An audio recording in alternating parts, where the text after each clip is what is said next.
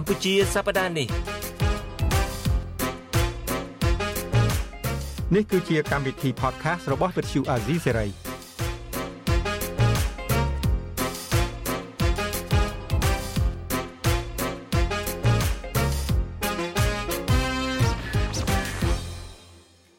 ខ្ញុំបាទយ៉ងច័ន្ទតារាសូមជម្រាបសួរលោកអ្នកនាងអ្នកស្ដាប់វិទ្យុអាស៊ីសេរីទាំងអស់នៅក្នុងកម្មវិធីកម្ពុជាសប្តាហ៍នេះ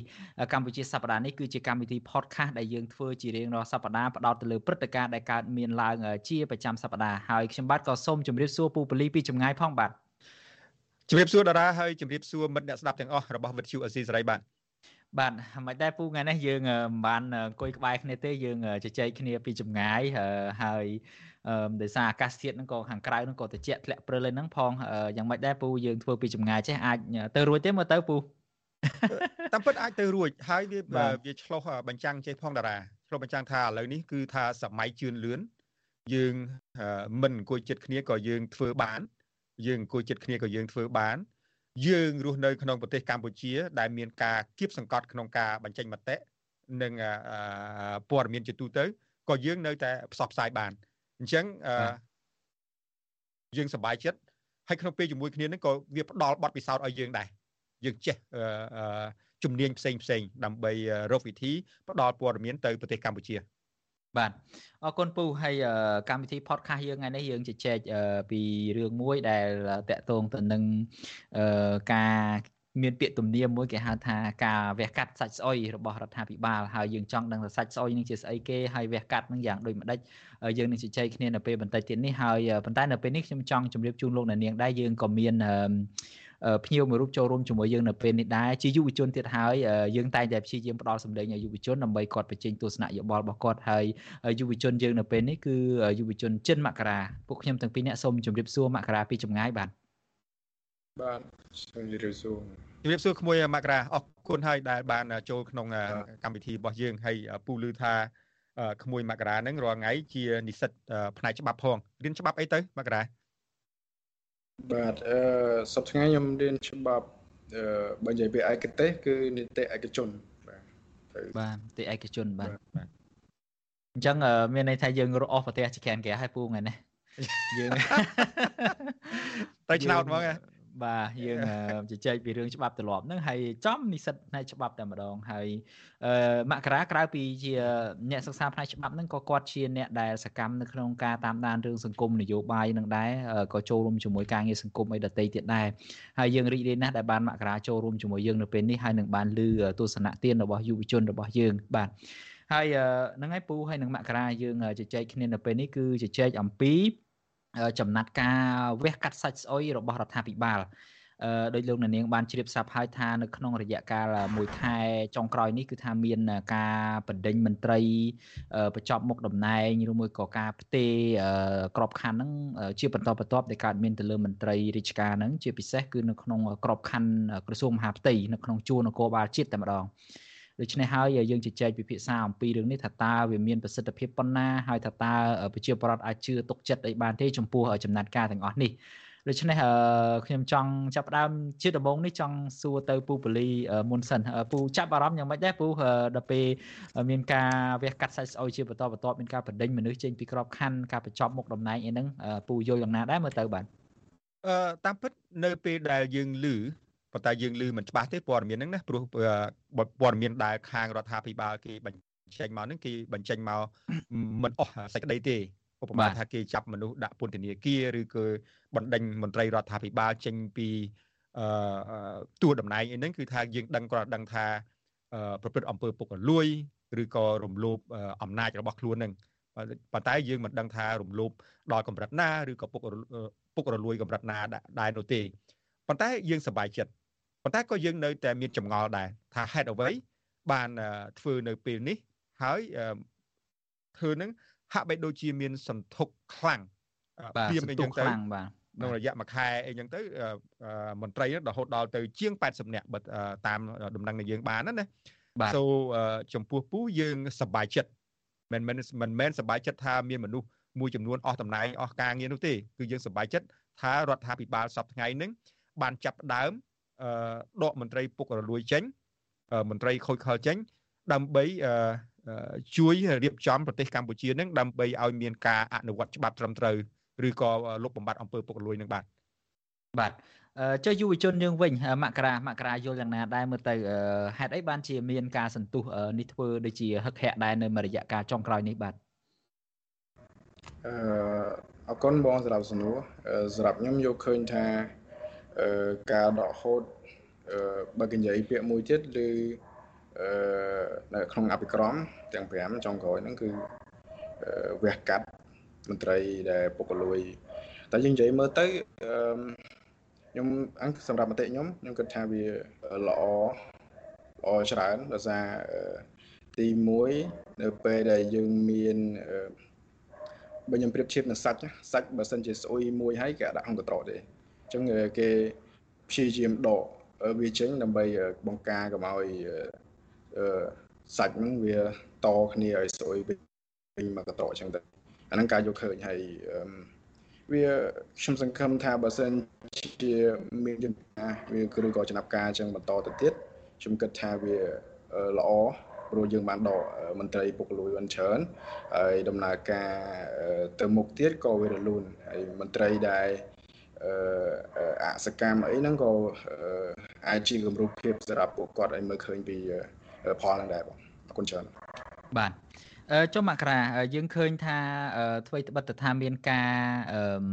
បញ្ចប់មុខតំណែងបញ្ចប់អីយ៉ាងណាក៏ដោយចុះប៉ុន្តែយើងក៏ចាប់អារម្មណ៍ដែរនិយាយពីការតែងតាំងនោះវាដូចថាវាច្រើនដែរណាតាមពិតពូបលីមិននិយាយពីរឿងតួលេខថា80នាក់ហ្នឹងតាមពិតមានមន្ត្រីមួយចំនួនមិនត្រូវបានបញ្ចប់ទេនៅក្នុងចំណោម80នាក់ហ្នឹងមានអ្នកខ្លះគេគ្រាន់តែផ្ទេរក្របខ័ណ្ឌដោយថានៅក្នុងអង្គភាពគណៈកម្មាធិការប្រយុទ្ធប្រឆាំងផលិតផលคล้ายៗហ្នឹងនៅពេលដែលផ្ទុះរឿងអាស្រូវឧត្តមសេនីយ៍កឹមជាតិនឹងទៅចម្រិតទាលុយគេ100,000ដុល្លារហើយមានការយកស្រាយកអីគេពីហាងស្រាមកកន្លែងហ្នឹងក៏មានការផ្ទេរមន្ត្រីជាច្រើននៅក្នុងក្របខ័ណ្ឌរបស់គាត់ហ្នឹងទៅកាន់អង្គភាពផ្សេង មិនមែនជាការប្រជុំទេប៉ុន្តែមនុស្សមន្ត្រីនគរបាលប្រហែលជា30នាក់ហ្នឹងគឺថាត្រូវបានបថយទួនាទីដកហូតឋានន្តរស័ក្តិបញ្ចប់មុខតំណែងហ្នឹងអាហ្នឹងមានពិតមែនដោយសារតែមានពាក់ព័ន្ធនឹងបទល្មើសដូចថាគ្រឿងញៀនពាក់ព័ន្ធនឹងរឿងអំពើពុករលួយ ហើយក្រៅពីហ្នឹងមានករណីមន្ត្រីដែលជាទីប្រឹក្សាអនុរដ្ឋលេខាធិការ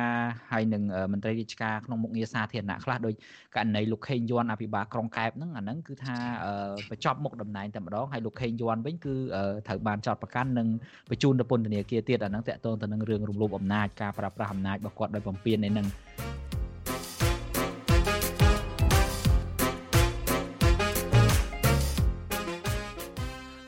មូលហេតុអីបានគេដកតើដកនឹងដកដោយឆន្ទៈពិតប្រកបទេមានការគិតគូរឬក៏ដកនឹងមន្ត្រីអស់នឹងពិតជាពុកអលួយមែនទេមន្ត្រីអស់នឹងពិតជារំលោភបំពានអំណាចមែនទេហើយហេតុអីមកបានមកដកនៅពេលនឹងអឺទោះបីជាអាគោលការណ៍អាសាច់ ចោលនឹងដូចឃើញតាំងពីយូរណាស់ហើយតាំងពីចំនួនសម្ដេចពុកសម្ដេចគុករបស់គាត់នោះមិនមែនឥឡូវនេះទេអឺអញ្ចឹងអ្វីដែលគេធ្វើនឹងយើងប្រកាសជាគ្រប់គ្រងបើសិនធ្វើនឹងស្របច្បាប់ហើយតាមឆន្ទៈពិតប្រកបវាមិនមែនដកមនុស្សដែលមិននៅក្នុងបពពួករបស់ខ្លួនណាយើងយើងអត់ហ៊ានចោទទេក្នុងពេលនេះប៉ុន្តែ យើងជាខ្មែរតារាជាខ្មែរទោះបីជាយើងនៅក្រៅប្រទេសក៏ដោយក៏យើងចង់ឲ្យប្រទេសកម្ពុជានឹងមានការរីកចម្រើនដែរហើយអ្វីដែលគេធ្វើត្រូវក៏យើងត្រូវតែទទួលស្គាល់ដែរមិនចឹងបាទត្រឹមត្រូវហើយពូងាកទៅចំណុចហ្នឹងមិនវិញមករាចាប់អារម្មណ៍យ៉ាងម៉េចវិញអ្វីដែលពូបលីលើកឡើងនេះហេតុអីបានជាមកមានសន្ទុះខ្លាំងពេលនេះហើយអឺពីណាពីណីមកហាក់ដូចជាមិនបានធ្វើឲ្យមានប្រសិទ្ធភាពណាមិនក៏ចាប់ផ្ដើមកម្រើកឡើងនៅដើមអាណត្តិនេះចឹងបាទ វាអាចជាចេតនាពិតប្រាកដក្នុងការកែតម្រង់ចំណុចហ្នឹងមែនឬមួយក៏យ៉ាងណាវិញសម្រាប់ទស្សនៈរបស់មករាបាទបើតាមច្បាប់គេឲ្យតករណីជាក់ស្ដែងគេនឹងចាប់វិធានការអញ្ចឹងខ្ញុំគិតថាវាជាមិនមែនជាការសម្ដែងទេគាត់ថាបើសិនវាវាមិនវាចេញជារុករៀងមែនតើអញ្ចឹងក្នុងនាមជារាជរដ្ឋាភិបាលយើងត្រូវតែមាន ចំណាប់ការភ្លាមភ្លាមឲ្យទាន់នឹងស្ថានភាពជាក់ស្ដែងតែបើសិនយើងទុកឲ្យវាយូរអញ្ចឹងវាអាចមានបញ្ហាច្រើនអញ្ចឹងខ្ញុំគិតថាបើសិនជាមានចំណាក់ការភ្លាមភ្លាមឬក៏គេនិយាយថាជាវិធានដ៏ក្តៅមួយខ្ញុំវាអញ្ចឹងខ្ញុំគិតថាឲ្យកាត់ភ្លាមភ្លាមវាលឿនកាន់តែល្អព្រោះប៉ុន្តែក៏វាមានផលខ្លះដែរប៉ុន្តែខ្ញុំគិតថាអាចមានបន្តបន្តសំណួរបន្តទៀតខ្ញុំខ្ញុំនឹងលើកឡើងអរគុណច្រើន ពូតារាពូគិតអញ្ចេះវិញនៅពេលដែលពូអរគុណមករាហើយដែលបានបញ្ចេញមតិហើយការយល់ដឹងរបស់គាត់ហ្នឹងពូសុំសរសើរហើយព្រោះអីនៅក្មេងលហកអឺមានការបញ្ចេញមតិហ្នឹងសំរុំត្រឹមត្រូវប៉ុន្តែពីចំណែកពូវិញពូគិតថាមិនមែនមកពីពឹងផ្អែកឬក៏ផ្អែកទៅលើករណីជាក់ស្ដែងនោះទេនៅក្នុងប្រទេសកម្ពុជានឹងយើងដឹងហើយជាប្រទេសមហាពុកមហារលួយនឹង 20 30ឆ្នាំមកហើយហើយនេះមិនមែនពូអ្នកនិយាយខ្លួនឯងទេទៅមើលឯកសារទៅមិនអញ្ចឹងប្រទេសសម្រាប់លក់ប្រទេសសម្រាប់ដូរអីស្អីអីណានឹងពេញណាពេញណីហើយប៉ុន្តែពូគិតចេះពូគិតថាប្រហែលជារដ្ឋមន្ត្រីថ្មីណាជាពិសេសតកតងរដ្ឋមន្ត្រីក្រសួងមហាផ្ទៃនឹងលោកសសុខាលោកសសុខានឹងប្រហែលជាគាត់ចង់បង្ហាញស្នាដៃរបស់គាត់ ថាគាត់មកធ្វើនេះគាត់មិនលេងសើចអីទេអឺព្រោះអឺត្រូវតែត្រូវតែធ្វើព្រោះពួកនឹងពុកហើយយូរហើយហើយវាល្មមដល់ពេលហើយហើយបើសិនជាគាត់មិនធ្វើឥឡូវទេគាត់មិនចាត់វិធានការអីទេអាណត្តិគាត់អាចឆ្លងផុតទៅហើយគាត់ខ្លាយទៅជាមន្ត្រីមួយដែលអត់មានកេរ្តិ៍ឈ្មោះល្អអញ្ចឹងពូគិតថាពូប្រហែលជាខុសគិតថាគាត់ប្រហែលជា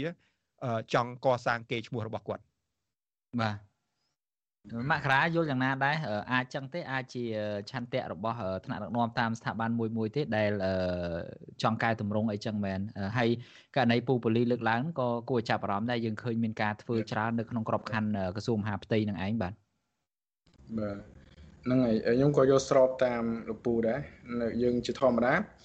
នៅពេលដែលយើងយើងឡើងឥឡូវដូចទូនទីឡើងជាតំណែងឯមួយអញ្ចឹងឬក៏ យើងឡើងតំណែងជាងមុនយើងតែងតែបង្ហាញពីសក្តានុពលយើងយើងបង្ហាញពីសមត្ថភាពយើងយើងគិតថាយើងត្រូវតែធ្វើម៉េចឲ្យគេឈ្មោះយើងហើយនឹងសក្តានុពលយើងឲ្យមានវិសាលភាពច្រើនអញ្ចឹងនៅពេលដែលយើងឃើញយើងមានសក្តានុពលអញ្ចឹងអ្នកនៅក្រោមយើងយើងទុកចិត្តយើងទុកចិត្តជាងមុនជឿជាក់ជាងមុនយើងផ្ដល់ការទុកចិត្តនៅពេលដែល យើងបានទទួលការទុកចិត្តហើយអញ្ចឹងរាល់ដំណើរការនៃការអនុវត្តឬក៏សម្លេងនៃគ្រប់ត្រូលផ្សេងផ្សេងក៏ច្រើនជាងមុនដែរ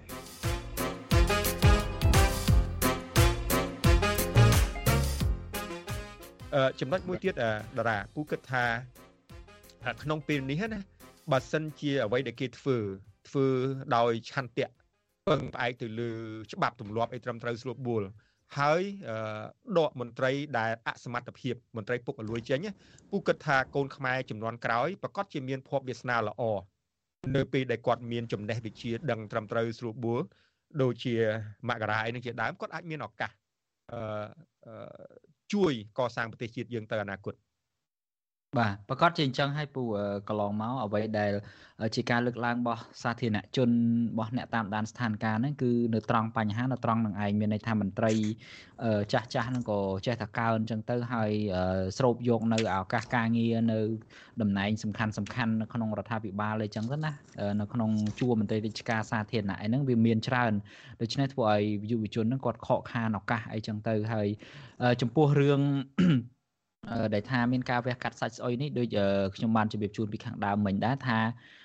វាជាកំណែតម្រង់មួយដែលដាក់ចេញតាំងពីសម័យកាលរបស់សម្ដេចពុកអតីតលោកយរ៉ាន់តេហ៊ុនសែនកាលហ្នឹងកាលដើមអាណត្តិនីតិកាលទី6ហ្នឹងគាត់ប្រកាសដាក់ចេញនៅអភិក្រម5អភិក្រមហ្នឹងបើយើងនិយាយទៅថាជា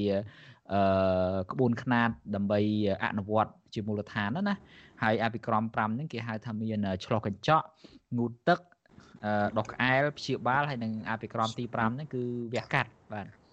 ហើយអារឿងអភិក្រមហ្នឹងគឺថាតាំងពីសម័យសម្ដេចហ៊ុនសែនហ្នឹងគឺថាប្រកាសដល់រហូតអញ្ចឹងប៉ុន្តែមានតែនៅលើកណ្ដាស់ឯសាច់ការជាក់ស្ដែងហ្នឹងគឺថាអត់ឃើញមានអនុវត្តអីឲ្យបានមានប្រសិទ្ធភាពទេ វះកាត់អីវះកាត់អីមិនកើតតារាសុំ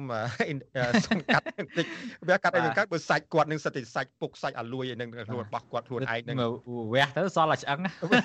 សល់តែឆ្អឹងនឹងអាមស្រួលឆ្អឹងនឹងឆ្អឹងពុកឆ្អឹងអាលួយនេះទៀតនោះអញ្ចឹងឥឡូវចេះទៅបានទេសុំចែកឲ្យដាច់ទៅកុំឲ្យយើងឲ្យឱកាសលោកនាយករដ្ឋមន្ត្រីថ្មីណាលោកនាយករដ្ឋមន្ត្រីហ៊ុនម៉ាណែតហ្នឹងដែលកន្លងមកហ្នឹងក៏មានប្រជាពលរដ្ឋយើងហ្នឹងគាត់ថាមិន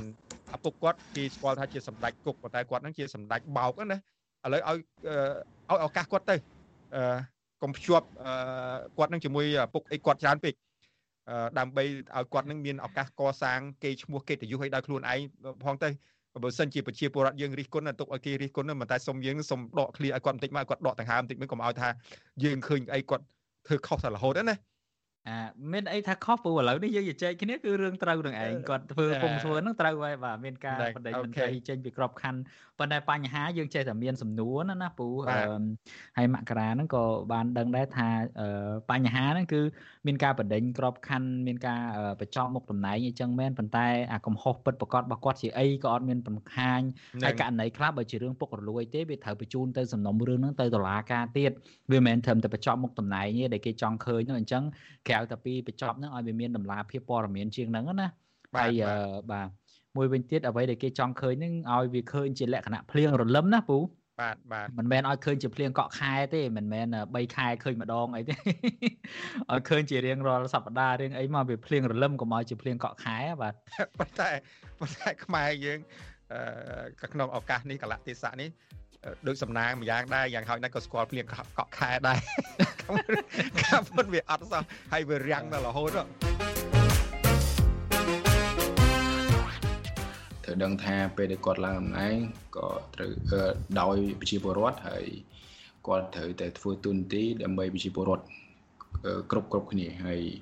រដ្ឋបាលមួយទៀតត្រូវតែប្រកាន់ភ្ជាប់នៅភាពតម្លាភាពហើយនឹងការទទួលខុសត្រូវខ្ពស់ព្រោះគាត់ដើរតួនាទីសំខាន់មែនទែនក្នុងការជួយជ្រោមជ្រែងនិងបង្កើនឧទាហរណ៍ដូចជាបង្កើនការងារ បង្កើនការអប់រំហើយខ្ញុំចង់ឆ្លុះបញ្ចាំងនេះដែលរាជរដ្ឋបាលគួរតែមើលវិស័យអត្ថភាពយើងសពថ្ងៃនៅឆ្នាំផ្ដើមឆ្នាំ2024នេះខ្ញុំមើលឃើញថាគួរតែបដោតលើវិស័យអប់រំជាកត្តាចម្បងសម្រាប់ឲ្យយុវជនយើងនឹងមានសមត្ថភាពពិតចំណេះដឹងពិតក្នុងការចូលរួមអភិវឌ្ឍសង្គមកាលណាយើងមាន យុវជនគាត់មានសមត្ថភាពពិតហើយប្រជាពលរដ្ឋយើងយល់ដឹងពីសិទ្ធិចេះប្រើសិទ្ធិនោះ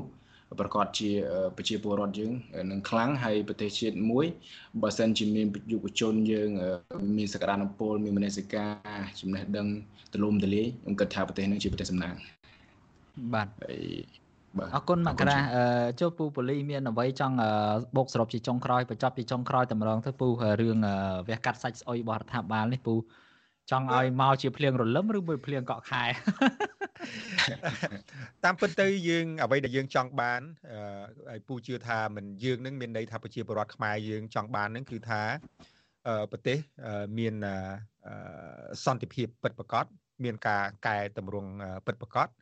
សូភ្លៀងរលឹមនឹងល្អត្រឹមត្រូវស្រួលបួលហើយវាសមរម្យហើយស្អីក៏ដោយក៏យើងមិនអាចធ្វើកំហុកទៅបានដែរ បន្តិចម្ដងបន្តិចម្ដងទៅប៉ុន្តែធ្វើឲ្យស្របតាមឆន្ទៈរើសមនុស្សដែលត្រូវដេញចោលនឹងឲ្យប្រកាសជាមនុស្សដែលត្រូវដេញចោលណាមនុស្សត្រូវត្រូវចាប់ដាក់ពន្ធនាគារនឹងមនុស្សដាក់ពន្ធនាគារកុំយកមនុស្សគ្រាន់តែប្រឆាំងមតិឬក៏មិនស្របតាមការដឹកនាំណាមួយអីអីដែលជ្រុលនិយមហ្នឹងអាហ្នឹងយើងអាចទទួលយកបានហើយចំពោះពូចំណុចមួយទៀតដែលយើងសប្បាយបើសិនជាគេធ្វើនឹងក្របតាសំស្របតាមឆន្ទៈតាមគោលការណ៍នយោបាយមែនពេលហ្នឹងគឺជា ឱកាសមួយកលៈទេសៈមួយសម្រាប់ឲ្យជាពលរដ្ឋខ្មែរយើងយុវជនខ្មែរចំនួនក្រោយហ្នឹងមានឱកាសចូលបម្រើនៅក្នុងរដ្ឋាភិបាលដែរអញ្ចឹងយើងពូគ្រប់គ្រងហើយនឹងក៏សប្បាយចិត្តដែរបាទបាទ អរគុណច្រើនពូពូលីហើយនិងអរគុណមករាអញ្ចឹងយើងសង្ឃឹមទាំងអស់គ្នាហើយចាំមើលតទៀតថាតើ